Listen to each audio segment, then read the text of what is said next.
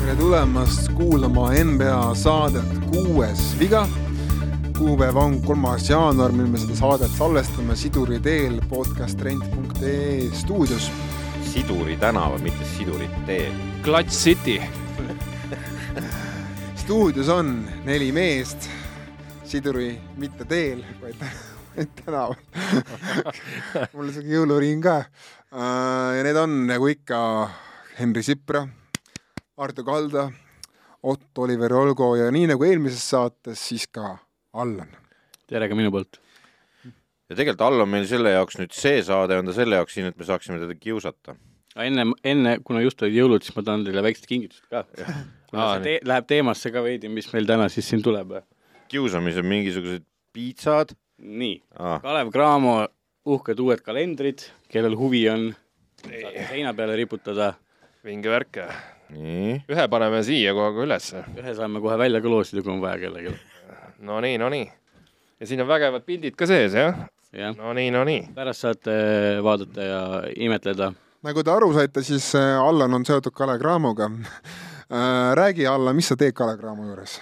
Äh, kõike, mis äh, on seotud turundusega, mängukorralduse ja mängude läbiviimisega kui kaua sa seda teed juba? Äh, seda asja teen otseselt kolmas aasta, esimene oli mul siis, kui oli Covid ja üldiselt Kalev Cramo kontori poole peal läheb vist äkki seitsmes aasta, et enne seda ma olin nii-öelda abiks kõigile, millega tarvis. aga kas see on nagu põhitöökoht sul siis nüüd Aga... sellest hooajast eelmine hooaeg ma olin ka noortetreener.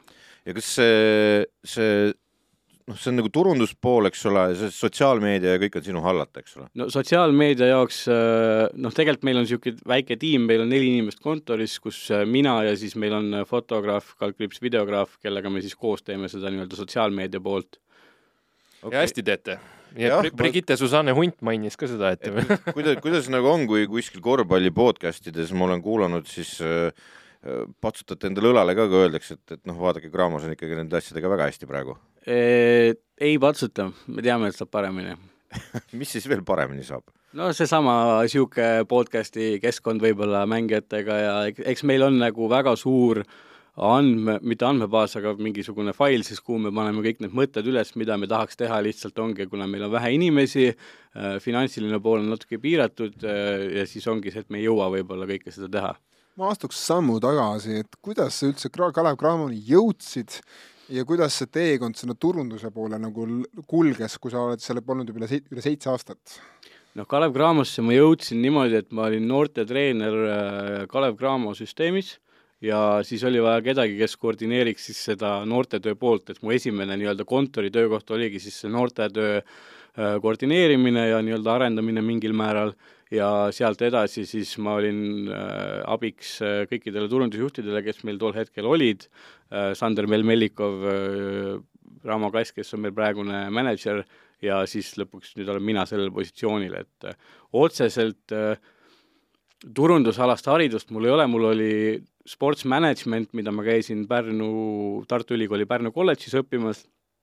Ja noh, see korvpalliturundus on minu jaoks tulnud kõik läbi NBA, läbi Euroliiga, kõik see, et sa jälgid nii palju, et kui ma olin, ma ei tea, neljateistaastane ma teadsin, et ma tahan saada korvpallitreeneriks ja selle nimel ma nägin vaeva, ma töötasin treenerina kuni nüüd eelmise aastani, kus mul siis äh, poisid lõpetasid.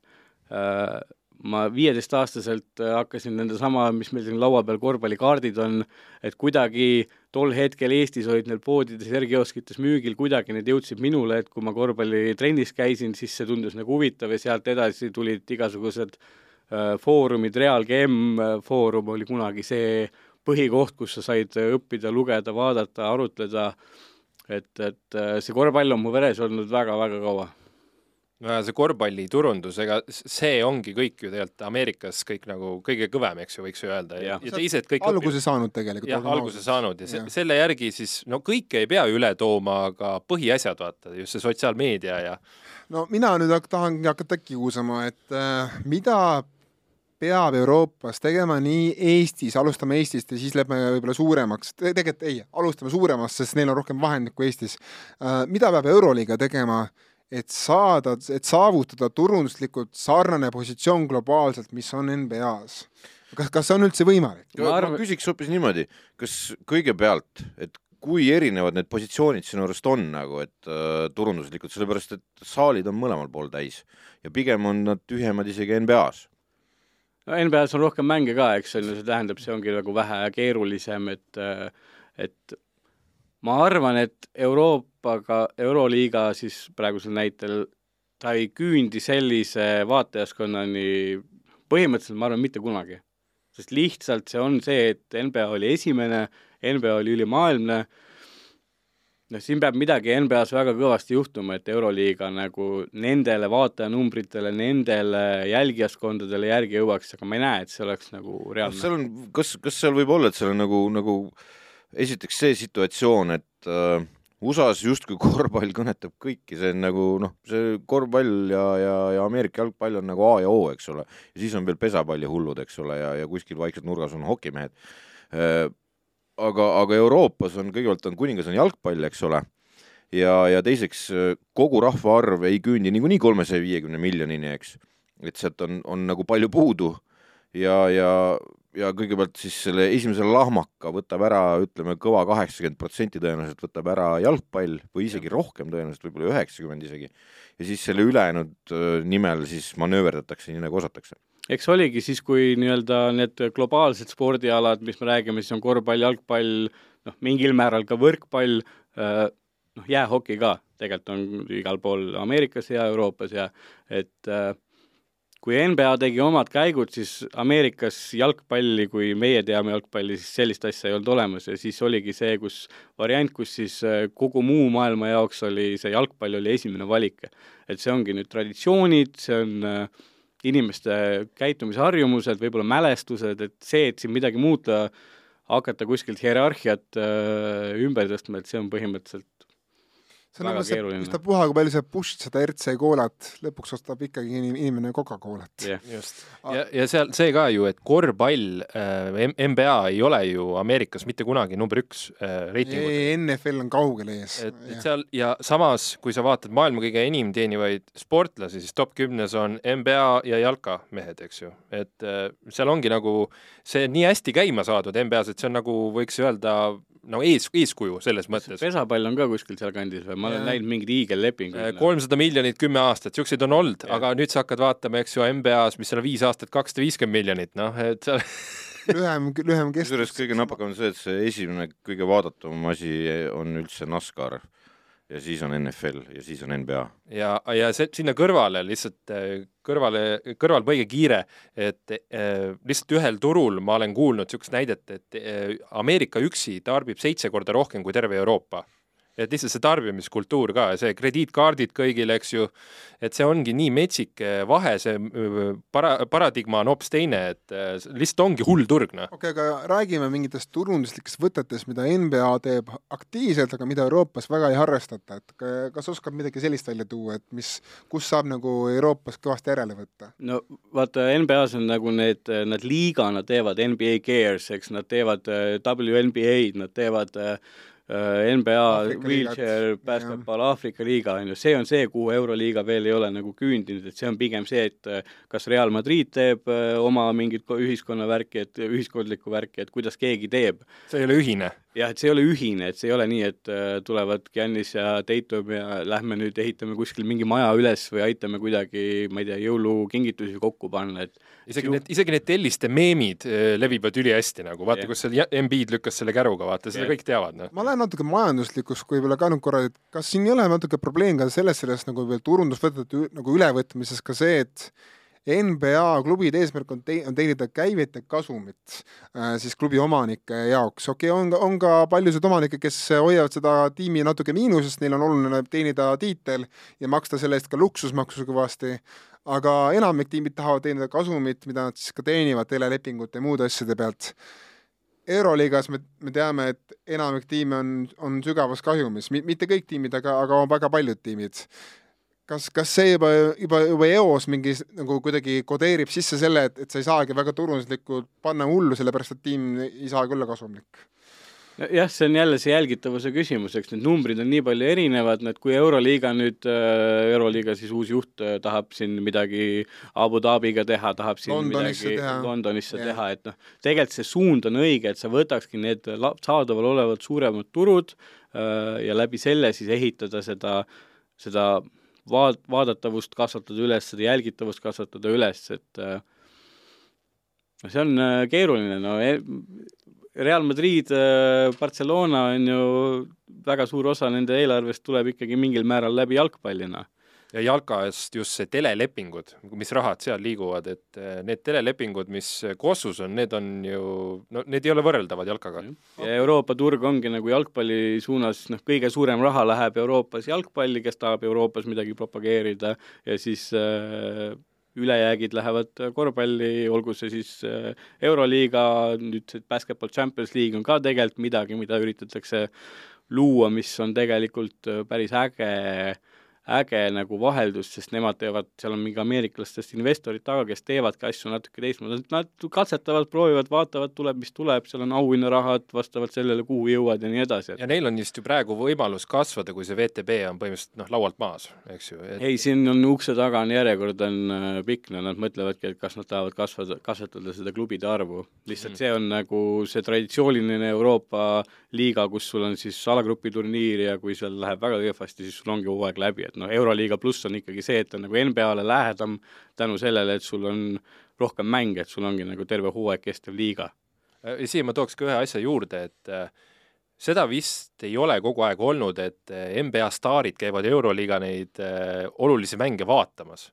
Vaata et seda on nüüd hakanud järjest rohkem juhtuma ja isegi see mõjub Euroliigale hästi. jah, ja, ja üks asi, millest räägitakse, eks ju, et see Vembanyama äh, läks sinna Prantsusmaa liigasse, et see oli Euroliigale rahaliselt metsik kaotus nagu, Jah. et niisuguseid asju ei tohi lasta juhtuda lihtsalt, et äh, no seal olid erinevad põhjused, eks ju, Vembanyama tahtiski veel vähem, vähem mänge mängida, areneda seal ja praegu vist NBA ostis ikkagi need õigused selle Prantsusmaa liigasse, palju ta pidi maksma, sada tuhat eurot või mingi Noh. naljanumber no.. naljanumber, eks. jah, aga ma küsiks niimoodi, et kui sa teed seda turundust, mis noh, meil on eesmärk, me tahame jõuda selleni, mis see, mis see, mis see eesmärk on, milleni sa selle turund-, turundusega jõud, noh, sa, sa ei aja taga mingit fänniarvu kuskil sotsiaalmeedias, vaid su lõppeesmärk on rahvast saali saada, eks. jah et see on Ja- teie sissetulek, eks ole. see on, see on meie eesmärk, on see, et võimalikult paljusid inimesi huvitaks äh, meie tegemine, olgu see siis saalis, olgu see siis kodus teleekraani taga, et kõik need numbrid on tegelikult olulised selleks, et Eesti sport nagu areneks, et noh,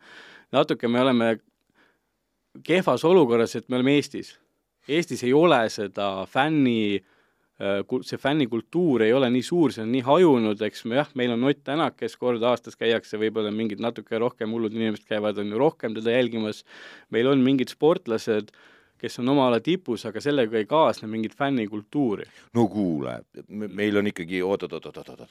me, me lähme nüüd natukene ajas tagasi, meil on olnud see ju, meil on olnud Tallinna ja Tartu suur vastasseis, need fännide hordid olid meeletud. isegi Rakvere oli ja, ja, ja ne- ja Rap- need olid- need olid mingi hetk. ja see oli ilma kuradi sotsiaalmeediata. see oli ilma sotsiaalmeediata mingisugune noh, lihtsalt oligi see draama, on ju, see kirg, see draama on see, mis eestlastel müüb, on ju. et see Tallinna-Tartu vastasseis, et selle, seda peaks ju kuidagi elustama, sellepärast et noh, seal saalis see oli nagu tõeline darbi oli nagu ikkagi noh, jaa, aga tol hetkel, kui sa võtad, sa ei saanud vaadata Euroliigat põhimõtteliselt äh, väga lihtsalt, sa ei saanud vaadata NBA-d, praegu sul on neid valikuid on nagu nii palju rohkem. ja rahvas vahib rohkem kodus. jah, Covidi mõju, eks, mis on nagu inimesed on jäänud mugavamaks, et ma ei tea, kui palju te kuskil siin viimasel ajal väljas ja, ja aga samas on jälle see, et, et inimesed peale Covidit nagu justkui jälle otsisid neid võimalusi, eks ole, et äh, siis aga korvpall peale Covidit oli see, et meil tulid CSKA saali, kõik inimesed pidid olema testitud, laps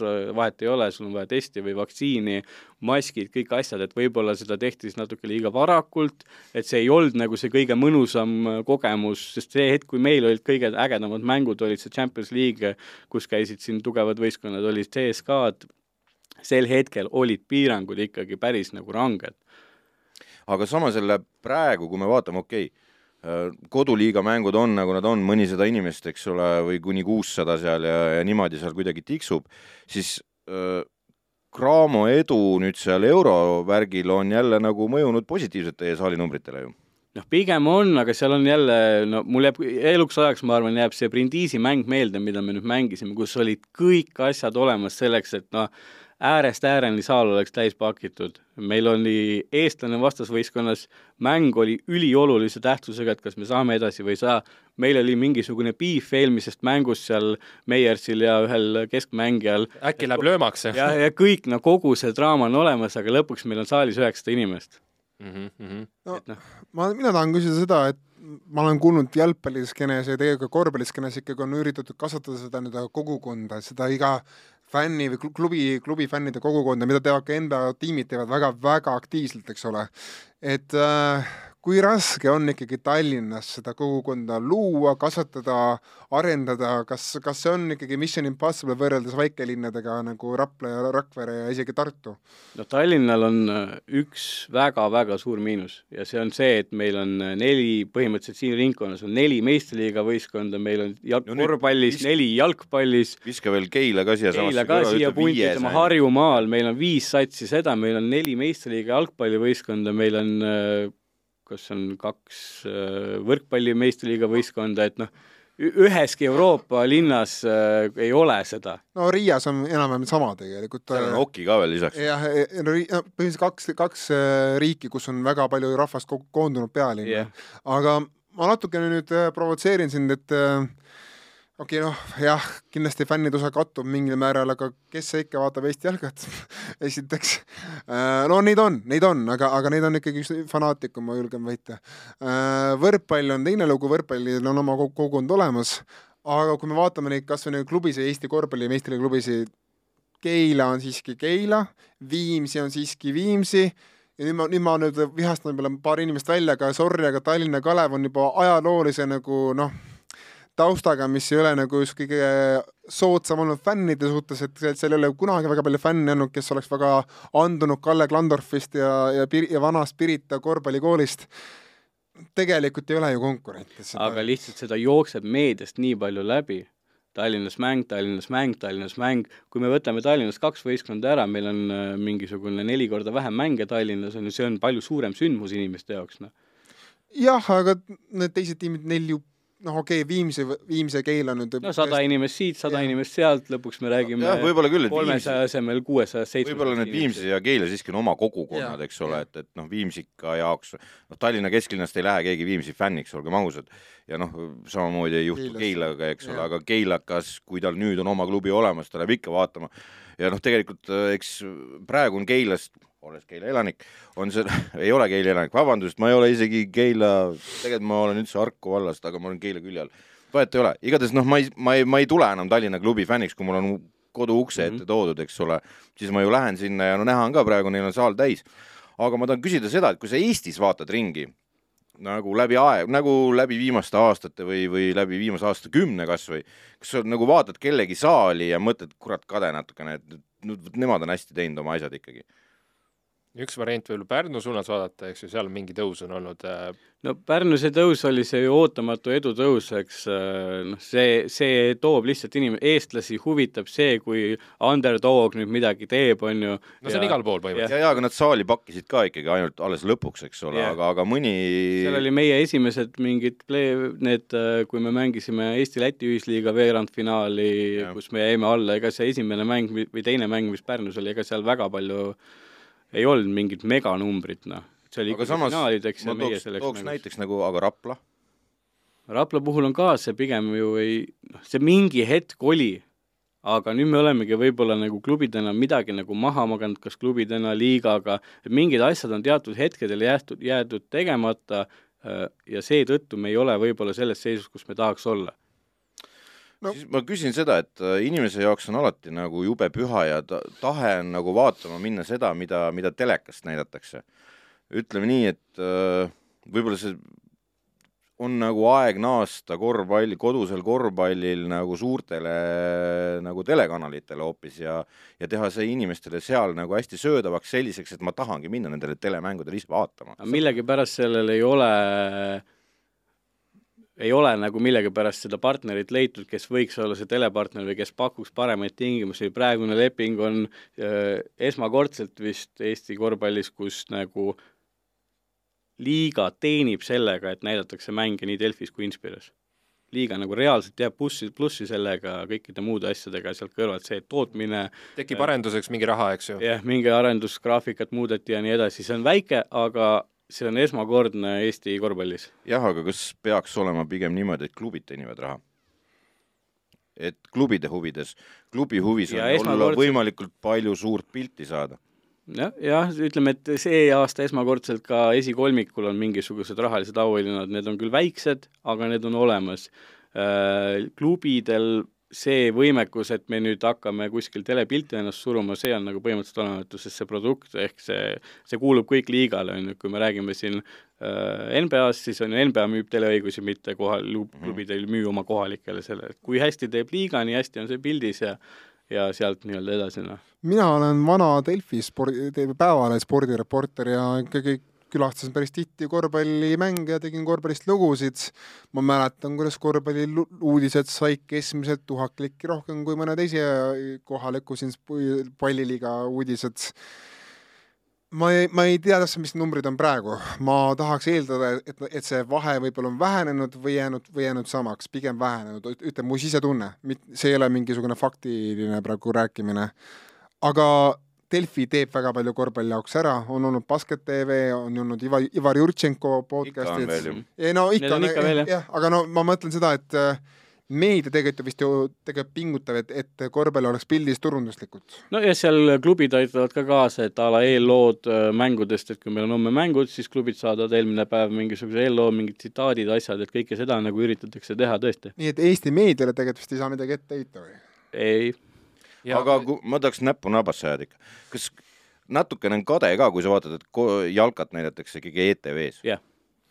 ja Ma ma- see oli hea vastus, ma mulle meeldis. selle, et siduda NBA-ga, et kui eestlane saab NBA-sse, ütleme, no ütleme unistuste olukord, et ta on ka nagu mingi eh, noor staar, vaata, ja niimoodi, et pildis, kui suure tõuke see annaks Eesti korvpallile üldse, nagu ka see Halo efekt, vaata. kas ma, ma hinnastan seda üle, aga vaata, ma Läti näitel võtan Borsingise, ma, ma tunnetan, et see tekitas ikka mingi korralikud võnked sinna. nojah, aga kui sa vaatad näiteks äh, praegu Läti meistriliigas on pealtvaatajate numbrid äh, nii ülekannetes kui kohapeal on kordades väiksemad kui Eestis. jah, no see on jälle halb näide, eks ju. jaa, siin aga on tegelikult võib-olla see, ma nagu näen, et Eestis on see, et meil on nagu NBA jälgijad ja siis on Euroopa korvpall, kaldkriips Eesti korvpalli jälgijad, et see, et mingi NBA jälgija jälgiks ka mingil määral Eesti korvpalli, et seda nagu sidusust on tõesti kuidagi see nagu on nagu, vähe. see on nagu eraldi liik või Jah, eraldi loom nagu. aga kas, kas sa ütlesid, et sa oled, noh, olid noortetööga seotud ja midagi taolist, eks tõenäoliselt sa tead, mis toimub ka nagu nii-öelda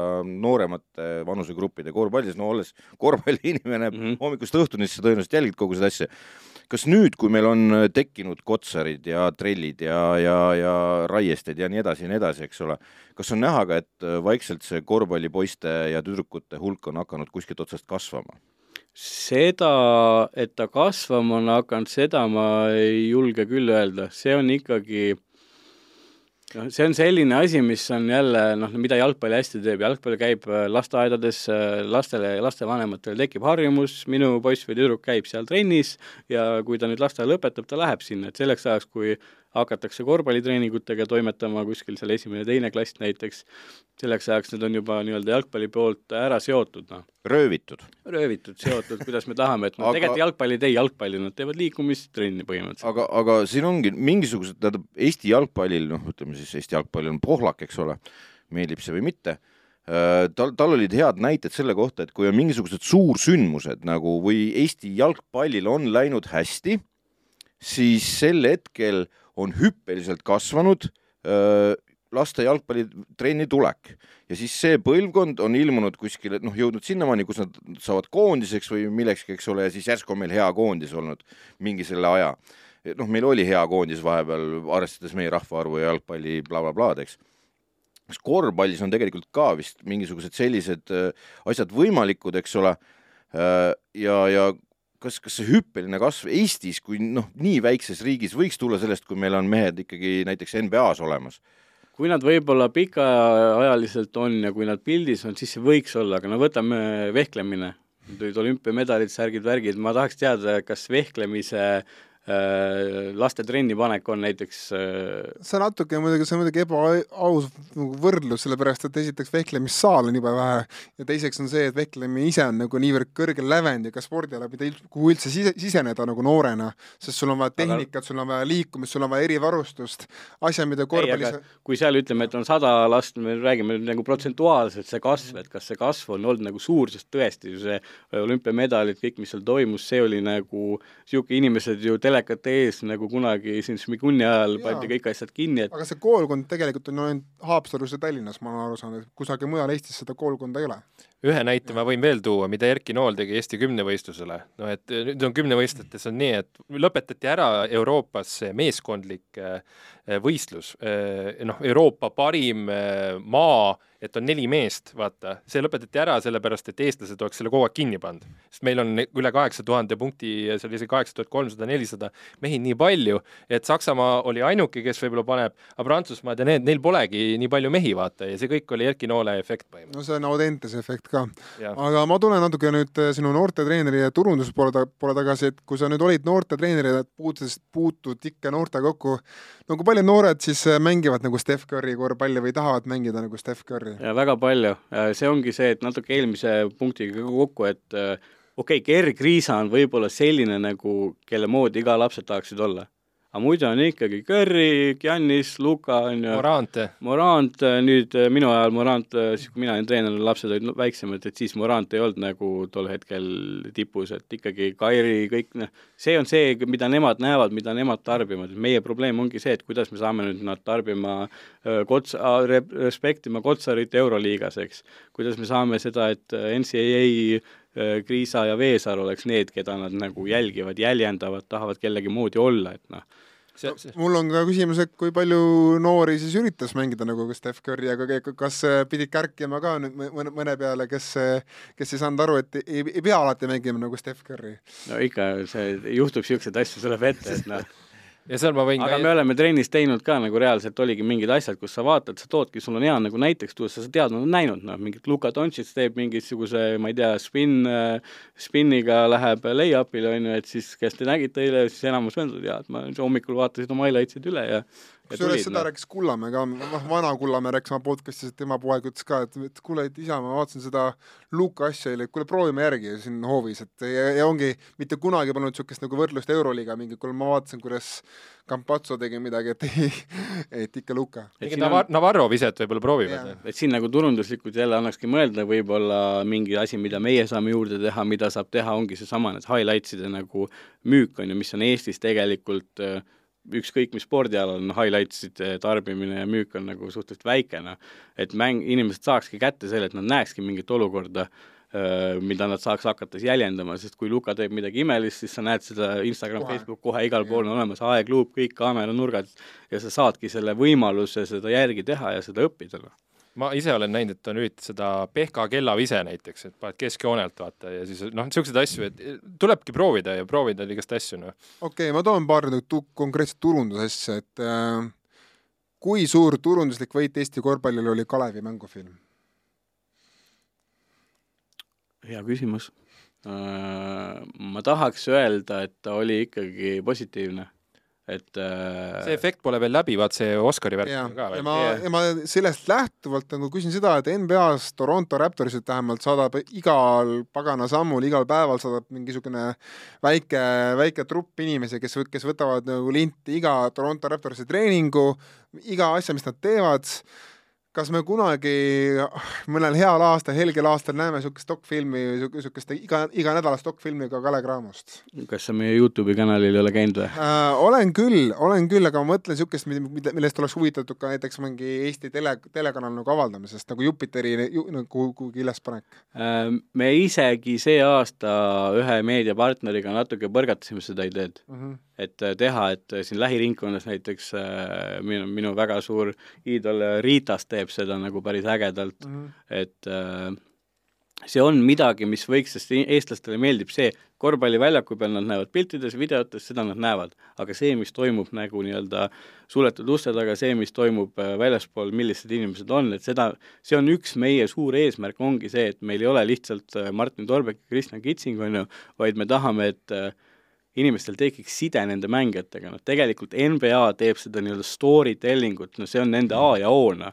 et inimestel tekiks side kellel Giannisega, kellel Lukaga, kellel ma ei tea, Tatumiga, aga see kõik nagu ehitabki üles seda liigat, noh, et inimesed seostaks, siis nad hakkavad tema fänniks või olgu see võistkonna fänn või ma isegi vaidleks, ütleks, et nagu mida NBA teeb kõige osavamalt, on see, kuidas nad nagu glorifitseerivad seda mineviku hiilgust ja seda minu arust nagu kõige viimase aja osavamat trikk, mida NBA on teinud, on see Lebron versus Jordan et see on minu arust nagu aga kas nad räägivad lugu? see on tassinud seda liiget, ma ütleksin, et mingi vahelduv, vahelduva eduga mingi kakskümmend aastat juba. jaa, aga see on kellegi ja. hea idee, et näed, meil on niisugune lugu ja nüüd müüme seda, on ju, Lebroni ei ole kaua enam, sa ei saa enam seda kaua müüa. no nüüd siis võetakse uus, eks ole. jaa, et mis ja. ongi siin, et Luka tõenäoliselt. tuleb Luka, tuleb Giannis, võib-olla tuleb Luka versus Giannis, ükskõik mis need äh, asjad tulevad, et kas, kas, kas sul on selliseid momente ka olnud, et sa vaatad mingit NBA asja ja, või noh, turunduslikku asja, mis nad teevad oma siis sotsiaalmeedias või, või meediaga ja sa paned näppu peale, et oh-oh, me peame ka nii tegema. jah, neid on väga palju, ma vaatan NBA mänge niimoodi, et mul on, minu elukutse kõige suurem äh, haigus on praegu see, et ma ei saa nagu niisama vaadata korvpalli või ma ei saa niisama mingit spordiüritust, ma lähen vaatan ja ma jälgin, okei okay,, siin on niimoodi, seal on nii huvitav, miks nad nii teevad, et noh, neid miks küsimusi tekib hästi palju. et no kõige lihtsam näide on eh, Euroopas igal pool üritatakse võimalikult nagu asja, ajakohaselt noh, hästi kiiresti siis info edasi anda, et veerand aeg sai läbi, paneme mingi postitus, paneme mingi story, veerand aeg seis, nii, nii, NBA-s on paar tundi vahet mul oli väga nagu suur küsimus, et miks nad nii teevad, et kas nad teevad selle jaoks, et äh, mis on nagu valiidne point, eks, et kas nad teevad selle selle jaoks, et inimesed ei saaks spoil itud. võib-olla lähevadki kodus, panevad hiljem käima, särki-värki, aga ma suvel käisin ühel koolitusel, kus ma siis rääkisin FIBA FIBA Europe'i siis äh, nii-öelda ühe suurima selle turundusinimese, tema arvas, et see on mingi meediaõigused, et sa ei tohi nagu teatud het-, enne midagi nagu siis üles panna, kui see need stuudiod saaks need läbi leierdada võib-olla. jah, jah, et sa ei, sa nagu ei spoiliks ära siis tavainimese jaoks, et noh, ma võin kõrvale ka tuua näite, ma USA-s käinud, eks ju, nüüd värskelt, äh, ma vaatasin, äh, ma käisin kõigepealt horse racing ut või seda kuradi kihlveo värk, vaata, kus nad, vaatad, hobused jooksevad. ja siis lähed äh, koju tagasi seal kohapeal vaatad ülekannet ja kolm kommentaatorit on seal hobusevõistlusel ka nagu ja siis nagu hakkadki mõtlema, et kus on alles rahad taga kõikidel asjadel, vaata lihtsalt see turu pealt, eks see on gamblingu raha ka väga palju. Gamblingu raha just, et äh, aga vot noh, Eesti juurde tagasi tulles paratamatult seda gamblingu asja on ka vaja. no Unibet Arena seda ka just, tõestab. no OpTibet meil samamoodi, et, et ta veab seda asja, kui võib-olla teistel ei ole see nii lihtne või, või ei tahagi järgi tulla, vaata, et eh, seda asja push ida, vaata. no seal muidugi tekivad oma eetilised dilemmad ka võib-olla, aga, aga jah, ma saan aru, mis sa mõtled.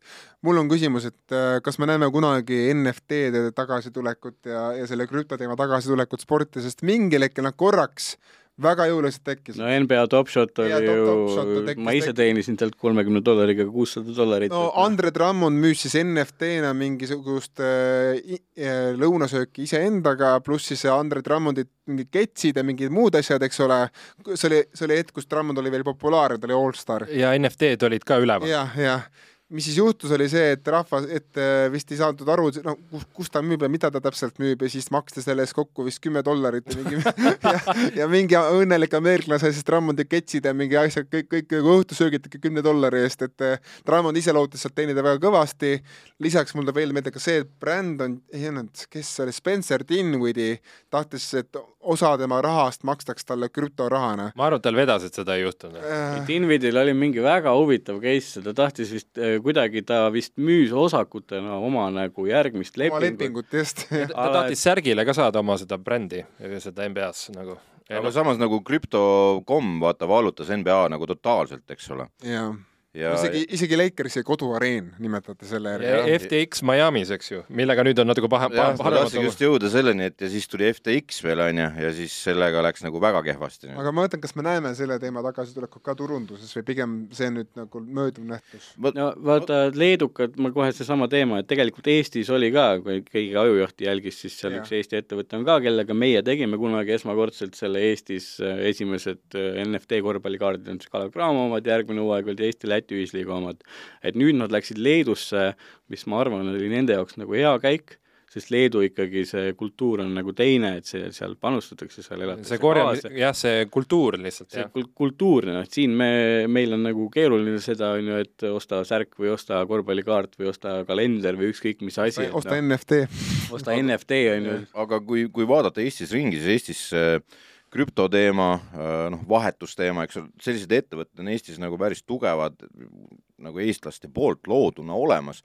kas ta sinnapoole ise ei ole vaadanud? mul väga hea sõber töötas äh, Change'is ja ma rääkisin temaga, aga lihtsalt äh, see küsimus oligi, et nende sihtturg ei ole Eesti. ja, ja aga te ju teete Euroliigat no tol hetkel tegime, aga nende sihtturg on Hispaania, Itaalia, kuhu nad tahtsid oma ettevõttega saada, et siis neil, isegi kui me mängime ühe korra mingi Itaalia satsiga, see nagu neid ei kontaktid tulevad ikka Eestist, noh. yeah et äh, noh, me, meie peaks, ma, ma üritasin siin Bitpandad ja kõik, kes siin olid äh, tol hetkel kõrgel, et mingit no, otset kontakti ei ole, kirjutad, proovid, kas saad, ei saa, tol hetkel ja samal põhjusel ju Boltid ja Wise'id sama, sama teema, vaata, et lihtsalt Eesti turul nad on, nad on küll Eesti brändid, eks ju, aga nende turg on mujal, eks ju. Yeah no Bolt vist tahab seal mingit teadusarendamispoolt, on ju, et noh, Eestis selle sporti nagu raha leidmine on ikkagi maruliselt keeruline, noh, ja sinna kõrvale see ka, et riik, riigifirmade ja. toetuse keeras ju kinni, see on, mida võib-olla paljud ei tea, eks ju, et kui palju raskemaks näiteks läks äh, alates eelmise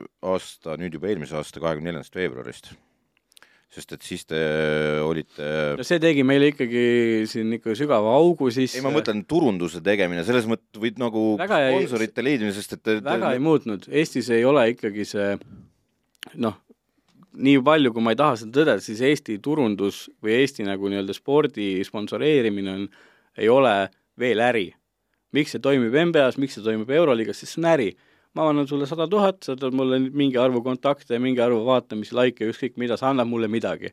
aga seda me tahamegi oma nagu turunduskanalitega muuta, et me ei ole nagu, noh, sponsor on minu jaoks nagu tegelikult halb sõna.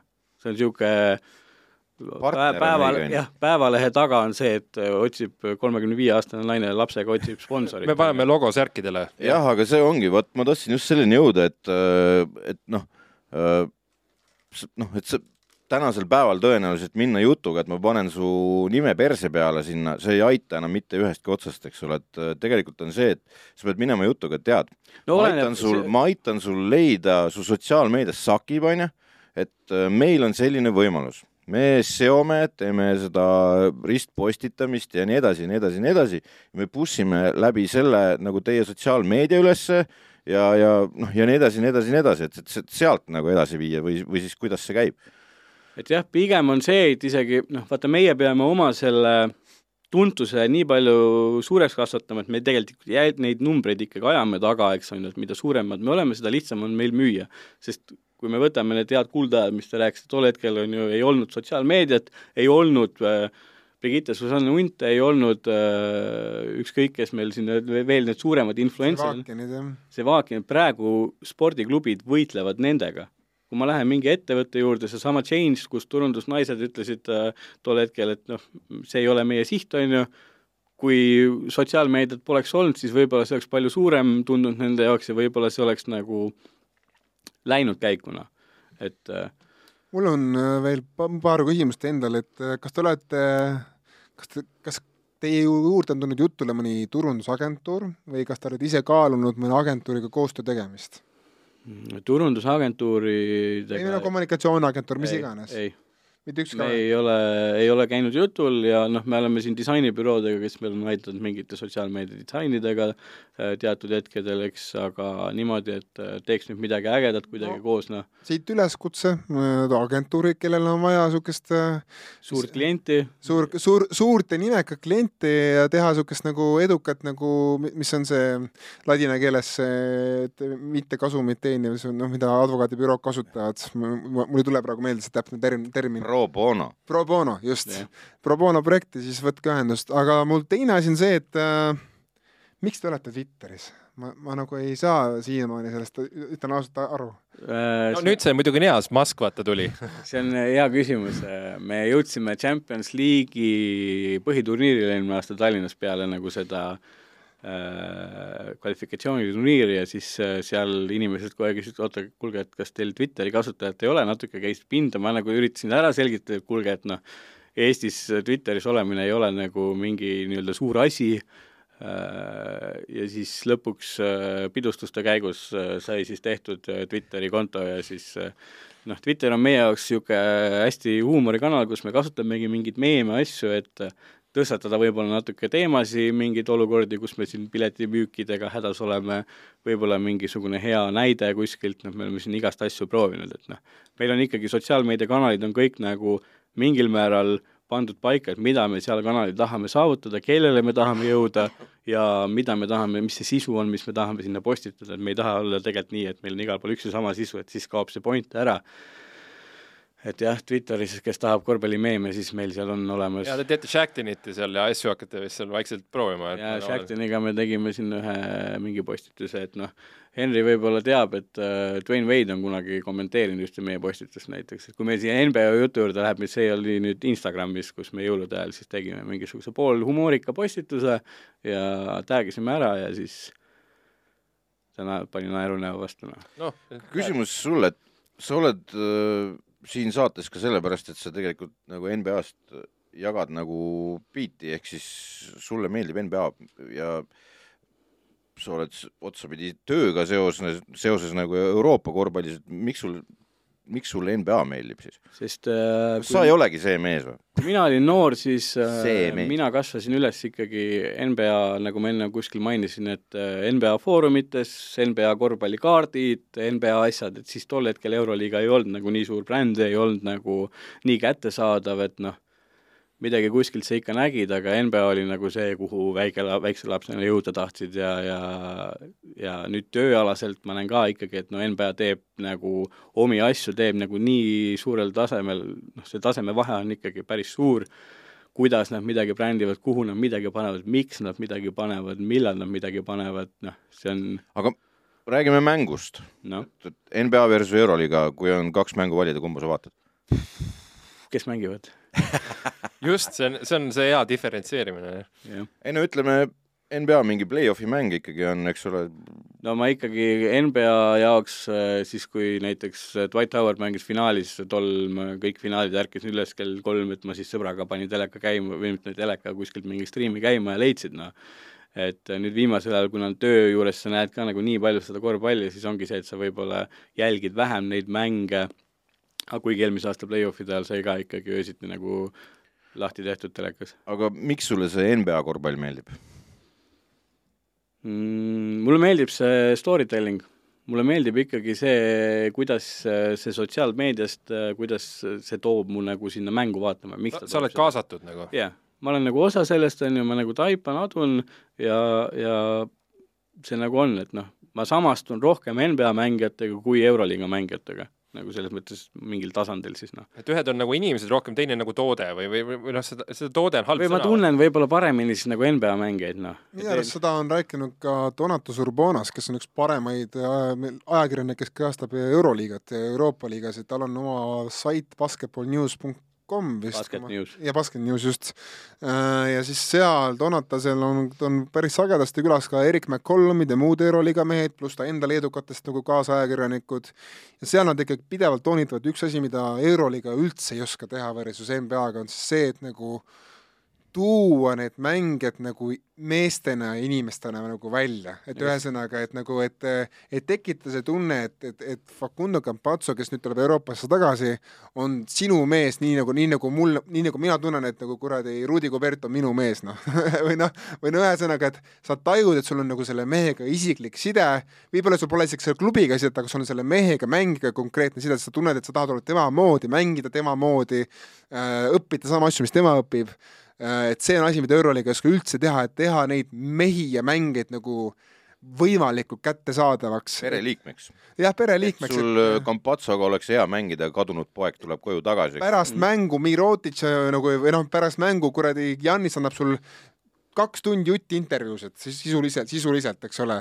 et äh, üks, üksikud õhtud, kus Janis ei anna intervjuusid, et, et see on see asi, mis on nagu puudu, ma saan aru, Euroopa, Euroliigas. seal on võib-olla see, et Euroliiga satsid mängivad kahte liigat. jah ja, ja üks kui sa kaotad selle ära, kui sa teed ainult Euroliiga, nagu see Jalka tahtis põhimõtteliselt teha oma superliigat, eks on ju, siis sul on palju lihtsam seda teha, sul on noh, praegu ongi, et kui sa ei saa kaks tundi anda, võib-olla te peate lendama, sest ülehomme on mäng kuskil jälle kodus ja, ja nii edasi, noh. Si- siin ma tahaks selle kiire hüppe teha, lihtsalt see on siia hea sisse tuua, see on nii erandlik olukord, mäletad, kui need poolid tulid äh, Leetu? jaa, ma käisin ju isegi ei no ma ütlengi, et s- s- sul on sellest nii hea rääkida, vaata kui- sürr see oli, et mingis kuradi linnas hakkab sihuke show pihta no põhimõtteliselt Leedu Kohila, jah. ja Leedu Kohilas äh, põhimõtteliselt vee tootmine mingi ja tulevad poolid kohale, üks nendest on siis nüüd äh, NBA-s äh, staar.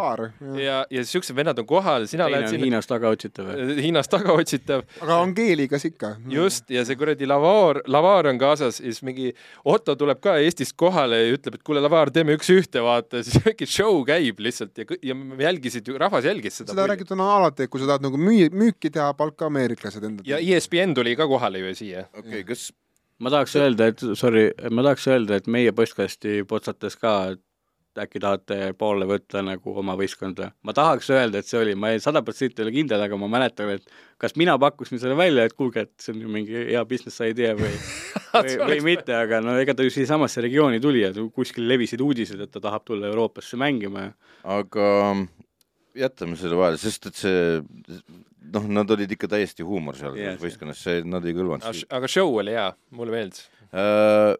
aga olenemata sellest, et sul pool ei ole siin võistkonnas olnud, on sul siiski olnud NBA meestega võimalik nagu noh, NBA mehed on olnud Kalev Cramos. jah, aga kahjuks äh, minu turundusajal seda ei ole olnud. jaa, aga seotud oled sa olnud, kui on olen olnud seotud Multriga ja Priskoga on mingi tore pilt kuskil peale karika võitmist ja ja et noh, minul kohe esimene küsimus, kas äh, noh, kas, kas sa kuulsid või tead midagi, et kas Multri ja Brisco tööeetika või kuidagi mingisugune NBA koolkond kuidagi see treeningud, treeningute ajal pühe-, enda pühendamine, mängudeks valmistumine, kas see ma ei tea, oli silmaga märgatavalt erinev võrreldes te- meestega, kes pole olnud NBA-s või pigem ei, ei paistnud suhtumises mingit erinevust no Prisko, ma tean, tahtis Martin Torbekut väga palju ette võtta, et Martin on ise ka öelnud, et ta sai ikka sealt nagu kõvasti kooli, noh. Mm. ta vist ütles, et eh, kõige par-, kõigi aegade parim mängija, kelle vastu ta on mänginud vist. no kaitsma pidanud nii-öelda treeningutes, et äh, noh, ta oli murdja ka selles mõttes, et ta läks ju sisse kogu aeg ja, ja, ja just noh, nii-öelda handle'id olid nagu jõhkrad tal ikkagi, eks ma ole. pigem arvan, et Multrit, keda ma nii hästi ei tea, et ta oli pigem niisugune laid back ja, ja siin Broughton oli võib-olla niisugune, et noh, trennis, et ootame mängu, et me ei räägi siin trennist, aga aga no hea näide näiteks Markus Kiin, kes meil nüüd, kellega ma sain nagu ka koos töötada, et ega ta ei andnud midagi alla, ta oli ikka Robertsiga seal trennides mingi kord hetked, kus läks nagu vaidluseks ja kus ta ikkagi tahtis, tahtis, tahtis, tahtis kogu aeg tõestada, et tema on parim. et nüüd, kui tegelikult, kui sa vaatad, ta on NCAA top skoorer, ta on Taiwan'i liiga top skoorer, kus ta siis meile tuli, VTB top skoorer, Itaalia meistriliiga top skoorer ja nüüd ta on seal Ben Benyamaga üritab seda Prantsusmaa skoorikuninga tiitlit nagu aga jagada., aga kui sa mõtled nagu nende vendade peale tagasi, noh, Moultri oli tegelikult ju pagana hea korvpallur. oli, ta teenib praegu ju Hiinas kuskil üle milli või midagi sellist. jah, aga millegipärast ei jõudnud ikkagi sinna nii-öelda tõotatud maale nimega Euroliiga või, või NBA. euroliiga, ma arvan, et see võis olla raha küsimus. ma arvan, et ta sai Hiinast arvan, see- äh, rohkem raha lihtsalt äh, kui kolmsada tonni või euro, euroliigas või mill seal, et see on ta, nagu ta oli VTB-s ka nii kõvasti pildis juba, et ja, ja aga VTB-s oli, ta oli, ta oli üsna problemaatiline meeskonnakaaslane, ma sain aru. ta ikka tehnilisi asju nagu korjas, ta pigem oli see kohtunikega kuidagi ikka see, et sellega ta jäi nagu pilti, et noh, Broughton oli siin see problemaatiline nii-öelda treeneritega ja, ja kellega ta seal veel midagi no, aga Prisko, noh. aga kui me räägime Priskost, kes läks peale Kalev Cramot tegelikult NBA-sse. NBA-sse, ja siis, kui sai tema ees posi-, noh, kui ta oli Magicus, siis tema ees olev mängija sai vigastada, kõik asjad olid olemas, siis ta sai ise vigastada. ah et see oli nagu valus, ta ikka tegi seal kaheaastase diili ja ma ei mäleta, kui palju, mida seal garanteeritud oli. see oli see one chance noh, see la-, eight mile noh. Aga no aga mis sel mehel nagu noh, kui sa, kui sa mõtled nagu sa oled neid tõenäoliselt trennis näinud ka, eks ole, siis Prisko oli oli noh, jalgadest olid ikka väga hull ju tegelikult, et äh, see, see jalgade töö, noh, tema see, kuidas ta võttis üks-ühele vendasid ette nagu kogu aeg, aga miinus oli siis see, et puudus kaugvise tegelikult. jah, ja see tagamängijal tol hetkel NBA-s oligi nagu väga suur miinus, noh noh, tänaseni on, eks ole. no tänaseni on põhimõtteliselt, et ta ju oli, mis ta oli, mingi top viis äh, oma keskkooli lõpetades, et see ülikooli valik oli tal ka, seal vist ka läks minu meelest nihusti, et see, need numbrid ei tulnud Kentucky poiss. Kentuckis, aga Jah. need numbrid ei tulnud ja võib-olla tal olid nagu kõvad konkurendid seal ees, kes läksid draft'is kuskil kõrgemalt, et noh, see üks valik võib-olla oleks äh, ta nagu ikkagi viinud kuhugi kõrgemale, tegelikult praegu Alterico Gilbert, kes meil mängib, oli ka väga kõva nagu keskkooli prospekt, aga tal tekkisid seal erinevad mingisugused õlavigastused ja, ja kuidagi tal see see teekond jäi nagu poolikuks, et kui ta nüüd terveks saab, siis ma soovitan teda tulla teil ka jälgima. aga kus see Brisco nüüd on? Ta oli vigastatud suhteliselt pikalt, nüüd ta mängib Itaalia esiliigas, teeb ka suuri numbreid, me siin naljatlesime Instagramis, et äkki tahad meile tulla, aga siis see palganumber, mis sealt vastu tuli, oli niimoodi, et et kas sa tahad, et me teised mängijad ka palkaks kõrvale või mitte. no selge. no mul on üks äh, turundusalane, mis võib seotud NBA-ga, et ega NBA-s ei ole ka kõik roosiline ja siin ikkagi räägitakse, et kuigi jah, see teleleping, mis tuleb aastal kaks tuhat kakskümmend viis, tuleb niisugune mega-giga hüper suurusega, siis palju on räägitud, et neil neil on ikkagi raske selles mõttes, et need highlight'id, mida vaadatakse NBA puhul sotsiaalmeedias, need ületavad mitmekordselt NFL-i ja, ja isegi MLB-d. probleem on selles, et need numbrid ei konverteeru eriti hästi dollariteks Mhm. Äh, Need ei tule nagu NBA nagu liigasse rahana väga hästi sisse, need Youtube'i videod ja, ja muud asjad. ja, ja no selles mõttes on probleem nagu tõsine ka selles mõttes, et ka mis on vähenenud nüüd viimaste aastate jooksul natukene, on ka see saalide täituvus ja ka sellele pani põntsu no Covid, nii nagu Eestis pani, et et kas sa nagu näed ka mingeid asju NBA-s, mida nagu noh, mis, mis ei ole nagu niivõrd seotud selle mängu pildiga ja reeglitega, vaid mingeid asju, mida, mida sa, mida sa ei taha NBA-st üle võtta? No seesama tegelikult see, mis sa ütlesid, see highlight'ide konverteerimine, no see on, meie tunneme samamoodi, eks me teeme mingeid ägedaid, me paneme palju nagu aega, ressurssi sinna sisse, et seda teha. Wade kommenteerib, värgid-särgid, eks. reaalsuses äh, kaheksa eurot Youtube channel'il praegu üks kuu monetization on ju ja, ja nii edasi, et noh, et see on mingid sammud, see võtab aega, meie Jah. praegune loogika, et, et saadagi, et inimesed tunneksid, aga aga tulles tagasi su küsimuse juurde, ma ei, ma ei oska isegi öelda, mis see olla võiks, mida me nagu NBA-st ei tahaks võib-olla võtta, et noh, NBA puhul need highlights'id, noh siis nad peavad kuidagi mingid sponsorid sinna juurde taha saama, et kelle, kelle lihtsalt Kiia, saada. Kiia moment of the day või Kiia jah, nagu see Seven League äh, või see Seven Days äh, Magic Moment ja kõik mingid sellised asjad, et noh, ma arvan, et see on nagu neil olemas, see, et nagu rahvast äh, saali saada, no see on ikkagi NBA-l on nii keeruline, kuna neil on nii palju mänge, noh. ja sellega ma nagu mõtlesin ka enne, kui ma siia tulin, et et mida me näeme ja mida NBA teeb hästi palju, NBA teeb hästi palju mingisuguseid äh, statistilisi faktoreid, et äh, Lebron James viimasel veerandajal on ainuke mängija, kes on visanud seitse punkti, Kol- kolm lauda. kolmekümne sekundiga visanud kaks korvi ühe peapaelaga teise ilma, eks. aga miks nad tegelikult seda teevad, ongi see, et võtta sellest mängu tulemusest seda noh, fookust ära. sest neid mänge on nii palju ja võidud-kaotused, see lõpuks ei loe seal põhiturniiril nii palju kui see, et äh, keegi tegi midagi, keegi saavutas midagi, sellega nad jälle ehitavad seda story't, noh.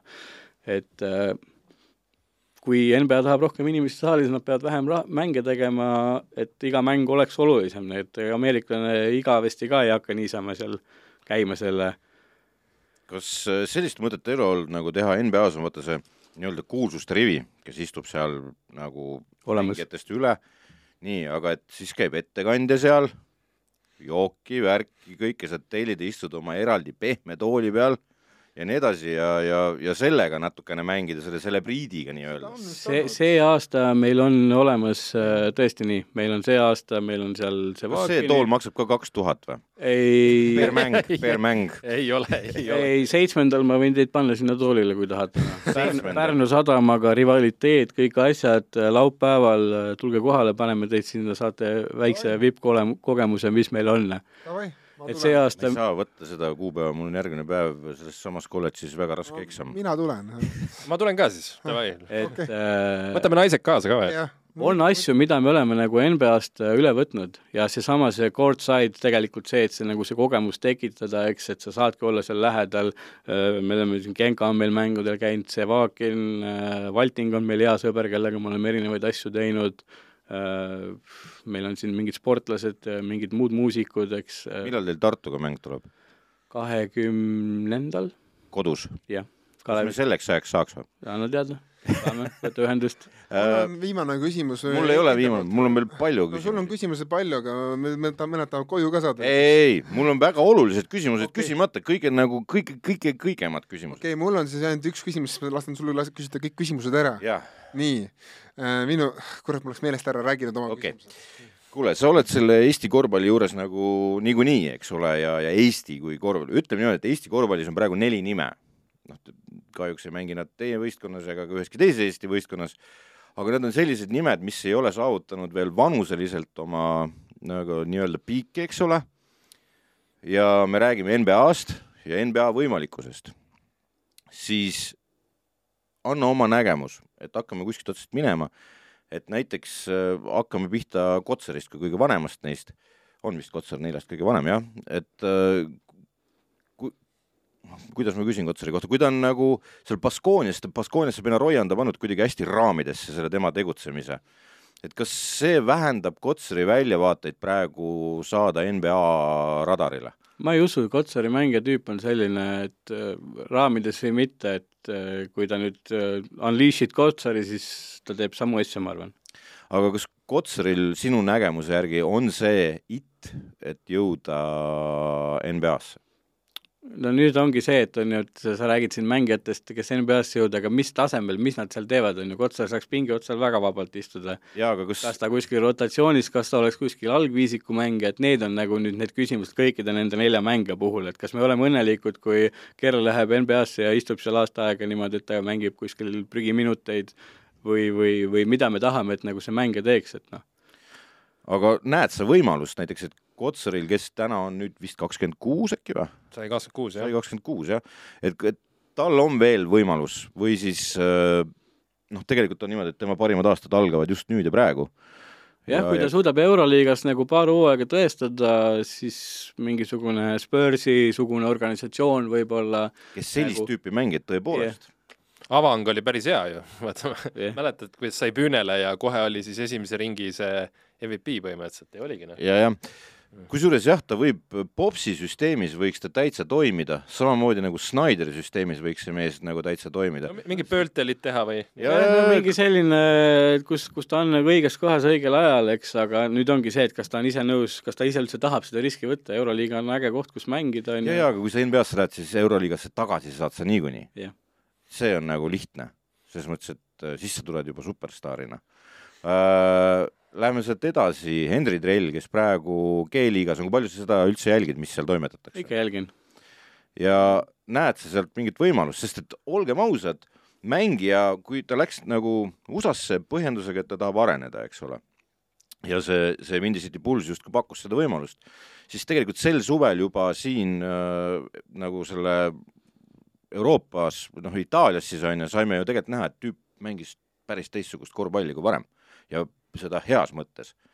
et äh, kas sa näed seal no nüüd ta on ju veel paremini mänginud, kui ta esimesel aastal tegi, et noh, siin tema puhul ma näen, et see on puhtalt nagu mingil määral joppamise küsimus, ta peab saama oma võimaluse teatud olukorras, ma saan aru, et ta nüüd tegi selle lepingu, mis siis kohe katkestati, et nüüd ta on nagu Pulsi omanud mingil määral, et tal on vaja, et Puls paneks kõik oma staarid müüki. ja et Puls, Puls läks rebuild'i, ta saab oma two-way contract'i, saab oma võimalused ja siis äh, siis on, on need võimalused olemas, et noh ta, ta on, ütleme, kõige lähemal sellele üle pika aja ühestki eestlasest. nii et kõik peale kes... seda, kui Müürsepp käis kuskil Celticsi Summer League'is igal õhtul palun palvetage kõigi, kõige jumalate poole, et Zack Lavine, Demar DeRozan ja Nikola Vutševitš lahkuks võimalikult kiiresti Chicagost ja kuldrell saab platsile just ja, ja mingi vaata see Covidi olukord oli vaata, kus otsiti yeah, telefonikõnega yeah. mingit raadiost taga, tol hetkel trell oleks saanud kohe yeah. aga siis oligi see jama, ta ju läks, eelmine aasta oli see ja ta läks sinna yeah., aga tal oli see jama, et ükski võis-, NBA võistkond ei saanud teda võtta sest ja, teda ei olnud, ta ei olnud draft itud. just, just. oleks ta undrafted olnud, ma arvan, et siis ta oleks saanud oma nagu võimaluse ikka, keegi oleks ikka kuskilt leidnud, kuule, tule vaatame ja siis on tema enda teha, mis ta teeb seal lõpuks no.. tule viska kolme ja kaitse veits, noh yeah.. nojah, seal on küsimus veel, et nad võtavad, aga kas nad su väljakule lasevad uh,? kas me jõuame nüüd võib-olla kõige suurema prospekti ehk siis härra Kriisani või? Mm, Veesaar on prospektina suurem. aga noh, kõigepealt Kriisa tõenäoliselt läheb esimesena sinna valikusse. Sest kui ta, kui ta läheb. Veesaar tõenäoliselt jääb, ma arvan, et Kerr ikkagi proovib ära selle, et äh, lihtsalt mil, mis hetkel, kas ta teeb oma hariduse lõpuni, kas ta vaatab, et kuidas tal on vist üks aasta veel jäänud, on ju? jah, on vist üks peale seda ta nüüd või kas on teine või kolmas aasta? seal on see juunior ja seenior värk, vaata, seeniori aasta siis ja vahepeal Covidi tõttu sai veel mingi lisaaasta. ja, ja, ja mis tal on võimalik vist äh, nagu Tassil oli. jaa, aga Arizona vähemalt on heas kirjas, pikkasid on küll läinud nüüd hästi, vaat Maturin Maturin ja lammutab praegu. Koloko ja- Markanen. jah, jah, Arizona selles mõttes heas kirjas, noh, et Henril on pigem, või see Veesaarel on siis nagu see tema kehakuju tõttu, eks on ju, tema oskuste tõttu, et head on pikad käed jah. sama, võta mingisugune prospekt, hakka ehitama kuskilt teisest ringist ja ja Paari aga noh, praegu, praegu olgem ausad, Veesaare pealt väga ei paista, et ta sel aastal juba saaks minna, ta ei, ta ei, ta ei peagi paistma, sa vaatad talle peale ja siis sa ütled talle, et okei okay,, me võtame su viiekümnenda pikina ja, ja tule ehitame sind jõusaalis üles ja ja toimetame, et see, kas ta nüüd äh, kuskilt seal tõuseb, noh, selles tal on mõttes, esimene aasta ju, eks ju. Jah. et, et temal peavad need eest ära minema ja siis tuleb tema võimalus. Jah. noh, tõenäoliselt tal on Arizonas seal veel aega ennast ehitada, harida ja see, et ta praegu juba saab mängida, on juba nagu Hea näitaja. tegelikult on tal ju vanus ka selline, et äh, noh, võib-olla ongi vara nagu, nagu vaadata NBA ukse poole. et võib-olla veel paar, aasta-paar lasta nagu ja, ja, ja minna pigem high pick'i ja hea noh, kohe garanteeritud lepinguga, eks Jah. ole. Tal on äh, selles mõttes kõik on tehtud, Real Madrid, siis lähed sinna, eks ju, ülikooli, sa oled püünel, sul on point guard, kes domineerib mängu, nagu on see, sul on see vend annab sulle söötu ka, ta on kõik olemas nagu., ja sul on sõber ka veel. sõber ka. jah, mul on, mul on nagu lihtsalt, mul on nagu see beef, vaata, et äh, mingisugustes Eesti podcast ides ma pean pidevalt kuulama juttu sellest, kuidas oh, nad tulevad siia Euroliigasse tagasi, vaat siis vaatame, mis mehed nad tegelikult on, mis mis kuradi Euroliigasse noh, mida te räägite, lambad, need lähevad NBA-sse, et selles mõttes, et, et mis, mis eesmärgid su, su korvpallikarjääri eesmärk ei saa olla Euroliiga, sest see ei ole kõige kõrgem tase. ja kui sa vaatad, missugused kaerad seal kuradi NBA-s kohati nagu pingi peal istuvad, siis, siis need vennad annavad kindlasti selle parema mõõdu nagu välja. Kui sa vaatad NBA-d, ütled sedasama Priskot, sa oled näinud lähedalt, eks ole, ja nii edasi ja nii edasi, et mis on see it nagu, mida, mida see, mida see NBA mängija endas sisaldab või mis on nii teistmoodi, kui, kui see Prisko seisis siin ja see ülejäänud võistkond ja sa vaatad, et no vahe on mäekõrgune, et see ongi NBA mees. no Prisko puhul on kindlasti see, et ta on äh, käinud läbi selle teekonna nagu Ameerikas. Sa oled äh, võitlema pidanud, ma ei tea, mitmesaja tuhande noorega, et jõuda sinna püünele, eks. sa oled näljasem, sa oled töökam, sa oled osavam, sest sa oled pidanud kogu aeg seda konkurentsi, Eestis seda konkurentsi on nagu keeruline teha. nüüd, kui sa lähedki sinna Arizonasse, eks see on nagu su next step selleks, et kas, kas ma jään püsima siia konkurentsi või ma ei jää. et äh, noh, see mängija puhul, no see peabki, sul peab olema esiteks, et NBA-sse tänapäeval jõuda, sul peavad olema mingisugused parameetrid, noh. Markus Kiin suure tõenäosusega ei jõua NBA-sse, sest ta on meeter kaheksakümmend või natuke vähem, et noh, kuigi ta oskused on sellised, et ta võiks vabalt olla, noh. Isaiah Thomas ei saanud NBA-sse tagasi, sellepärast et ta on lihtsalt, tal ei olnud, temaga ei ole midagi lõpuks teha. tal olid jalad läinud siis muidugi ka, et seal, seal polnud midagi teha. niikaua, kui tal jalad oli ja, ja kandmisi lubati teha, siis oli kõik hästi. et no NBA draftid ikkagi enamasti vaatavad üks seda potentsiaali, noh. Kuskil oli paar aastat tagasi tuli nagu, ma ei tea, Atleticus või kuskil tuli nagu ülihea artikkel, kus ta rääkis ära, et noh, et mitte kunagi pole nagu draftid jär-, iga-aastaselt need mängijad, kes draft ivad vähem, mängivad järjest vähem, sest need draft itaksegi potentsiaalikaid venda, keda ehitatakse, sa teed talle oma keva, keha Aleksei paika, Pokusjevski. jah.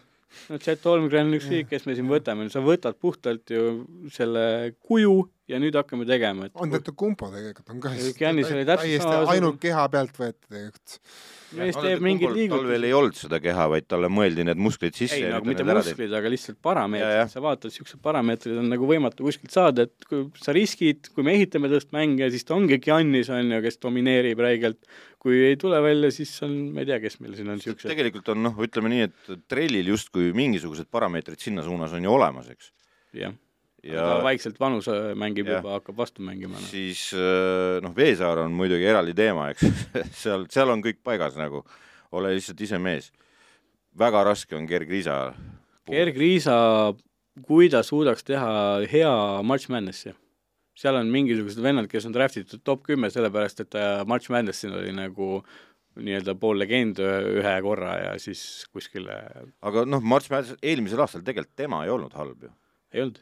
Aga ta ei teinud midagi sellist, et Enneolematut. jah, et äh, ma ei tea, ja ESPN või Sportscenter räägiks, on ju, et crazy ja, ja et NBA skaudid ja asjad, noh, kindlasti kõiki neid mängeid vaadatakse, jälgitakse ja seal on mingid asjad, et tänapäeval ei ole niisugust, et me nüüd mingi ühe mängu pealt võtame su, et see ehitatakse mingid andmebaasid, jälgitakse sind ja näe-, noh, March Madness on hea näide sellepärast, kas sa suudad siis kõige olulisematel hetkedel nagu tõusta püü-, noh, esile ja sellega sa näitad oma mentaalset nagu tugevust, noh.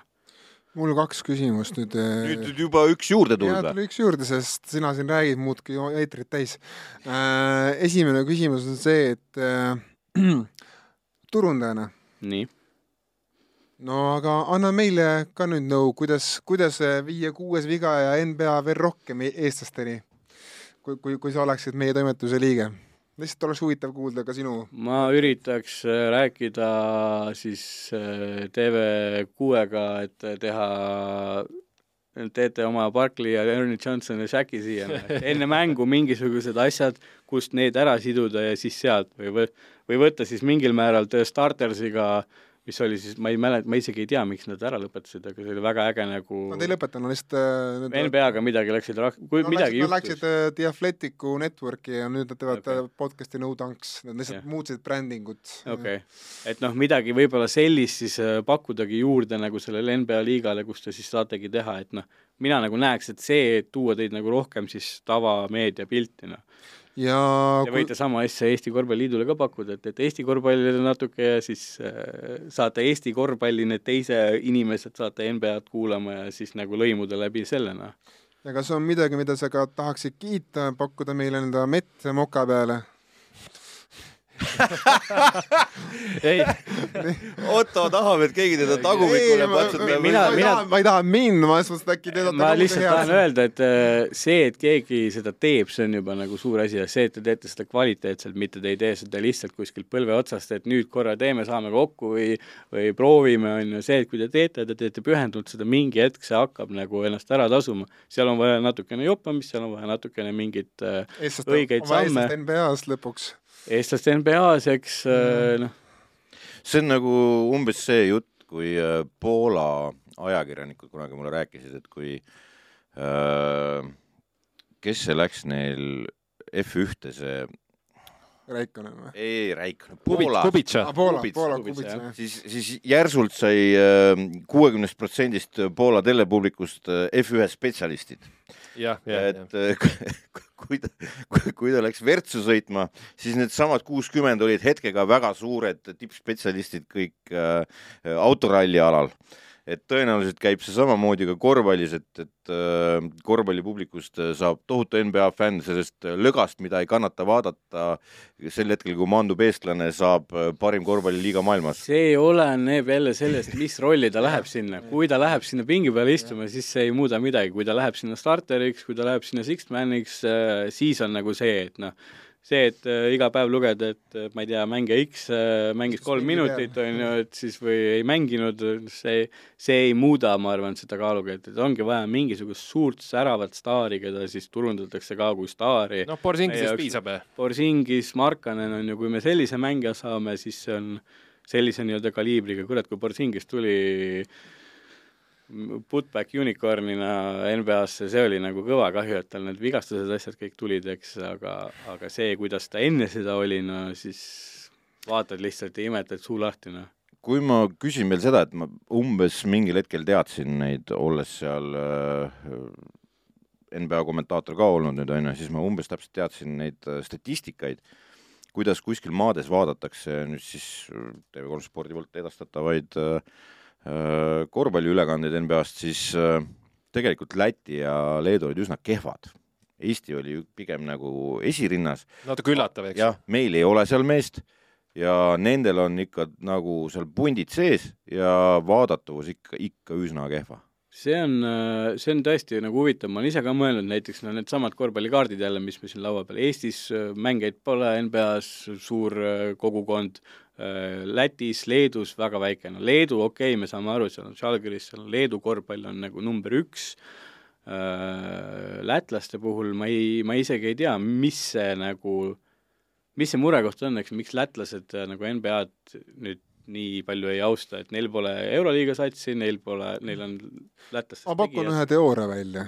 minu arvates see on natuke kinni sellest, et lätlastel ei lähe, lisaks sellele, et neil on ka omad spordiala, mis tahavad kõik tähelepanu. hoki näiteks äh,. jah, aga ma arvan, mis Borzingisega on, on teema, on see, et Borzingis pole siiamaani oma karjääri vältel olnud üheski nagu niisuguses tiimis, mille puhul sa usud, et tal on võimalik võidelda tiitli peale, nii et Borisingis on põhitegija. sest nagu need Lukaga aastad ei olnud päris ikkagi selle vaibiga, et nüüd tuleb siit mingi suur purakas või tuleb tiitel või tuleb mingi kõva värk. et äh, mina arvan, et kui Borisingis oleks tiimis, noh, ongi noh, hea, kõige parem näide võiks olla Warriors loomulikult, et noh, mängid Steph Curry kõrval kolmanda, kolmanda viiuli rolli, no siis küll hakatakse vaatama ka ja ma arvan, et see, et ta mängib kusagil Wizardsis nii-öelda noh, keskpärase kvaliteediga meeskondlikku korvpalli, siis see no vaata, vastupidiselt sellele jälle on see, et äh, nii kui see NBA lõpeb, eks ole, ja Borsingis ja Bertans maanduvad äh, Lätis, eks ole, siis Läti meedia nagu praktiliselt iga nende freaking sammu pildistab ja postitab kogu aeg, et äh, ma aitan ka kaasa ja, ja aga noh, samas on, et kui sa vaatad Läti meediat, eks ole, siis seal kollases siis eriti on nad nüüd noh, kogu aeg pildis, kogu aeg nii Bertans kui, kui Borsingis ma ei tea, mis iganes, aga iga päev, kui nad kodumaal pole nii kui nad lahkuvad sealt, kadunud, tühi maa. Zero nada. see on nagu huvitav jah, vaata Borsingise puhul võib-olla nagu on see, et äh, ma ei tea, kas ja kui palju ta üldse Lätis äh, jõudis mängida, enne kui ta läks Hispaaniasse, siis ta ei käinud Läti koondises, ei olnud pikka mm. aega, ta läks Hispaaniast NBA-sse, et äh, võib-olla vaata, see ongi see, et lätlastel puudub see side, noh kas see nüüd tekib, kui ta koondist esitab ja on meie no, mees? samas, samas EM-il olid mõlemad, eks, mitte praegusel, aga eelmisel yeah., siis kui Sloveenia võitis yeah., siis, siis tegelikult oli olemas Borsingis, oli olemas Bertans ja, ja nad mängisid hästi, tegelikult nad langesid väga kõrgel alles konkurentsist, et tegelikult sealt oleks võinud ju mingi side tekkida ja uhke on ju lätlane oma korvpalli üle ikka. aga siis vahepeal juhtus see, et nad ei saanud järgmisele EM-ile ja siis see tõi nagu ja. kogu selle asja nagu selle kompenseeris nüüd MM-ile jõudmine yeah.. see nüüd läks äh, latis väga kõvasti nüüd, et noh, et nad said World Cupile peale mina mäletan, et üks hetk oli ju NBA-s viis lätlast mm. -hmm. oli, oli kaks Bertansit, oli Pačesniks, oli Borzingis ja oli kes? Kurutš. Kurutš, jah et oli jah, tõesti, see oli, korraga oli räme nagu tõus Roh,. rohkem kui leedukad olid olla. kas lätlastel on mingid NBA, ikka vist on mingid NBA Facebooki kommuunid, aga mis need numbrid võrreldes nagu on, on, ma olen see näinud ma.... see Latviesi, see on, ütleme, sihuke küm-, seitseteist tuhat või midagi siukest. ma ütlen, mida on ka vaja, ma, ma, ma, ma ei hakka siin mingi kuradi mingi ennast haipima, aga ma ütlen, et on vaja inimesi, kodumaal olevad inimesi, kes pidevalt räägiks sellest ka ja teeks sellest asjast mingit sisu kokkuvõtteid, räägiks sellest teemast, üritaks teised kaasa tõmmata, kui sul kodumaal pole seda mingi ühte mingi või kahte-kolme niisugust eestvedajat, kes kogu aeg räägivad sellest, mis siis, et see, et sa vahepeal ka tüütu siis, siis nagu ei saagi väga see NBA kogukond tekkida, et sul on vaja inimest, kes nagu hoiab seda nagu pulssi üleval, isegi kui on nagu sündmuste vaene hooaeg, ikka pagan kirjuta või siis räägi või podcast'i millestki, millest iganes, sul on vaja seda käivitajat. põhiline, ma, see, kui Borsingis sai allstariks, aga ta sai vigastada, vaata, siis ma kalkuleerisin, palju selle fännklubiga ma talle hääli kogusin, umbes kakskümmend tuhat ilmselt ajasin talle hääli kokku. no see ei ole kokku mõistes, see ei ole midagi, aga vaata, kui mingi hullud vaata kuskil tekitavad, et tulevad kuskil mingi Koreast vaata mingid hääled, aga nüüd nad bännisid selle ka ära, vaata, sest et Vigins sai mingid kuradi Lõuna-Korea mingi popstaarilt sai nii palju hääli et peab olema alati see hull, nagu, nagu sa ütlesid väga hästi, vaata no eks see ongi siin meie regiooni spordis on niimoodi, et sa peadki olema kogu aeg pildis, muidu sind unustatakse ära ja siis aga jälle nüüd äh, ei ole nii, et äh, sa see, maikuus lõpetad hooaja ja siis vaatab sügisest hakkame uuesti tegema, sa pead no, kogu no, aeg nagu Eestis on see Ott Tänaku teema, no see, seal on ju inimesed isegi pahased, et kõik kohad on Ott Tänakut täis, aga vaata, kui tuli see pandeemia teema, siis inimestel oli pandeemias kopp ees ja siis oli jess, nüüd tuli Tänak jälle, vaata, nüüd, nüüd kaob see pandeemia ära, vaata. nojah, eestlased suutsid Tänaku mingi kõigi aegade parimaks rallisõitjaks hääletada. see, see oli ka mis on jälle... täis absurd nagu, et see fännide jõud. kuulge, lähme koju ka või? No. mis sul on, mis sul seal on? mul on naine lapsed.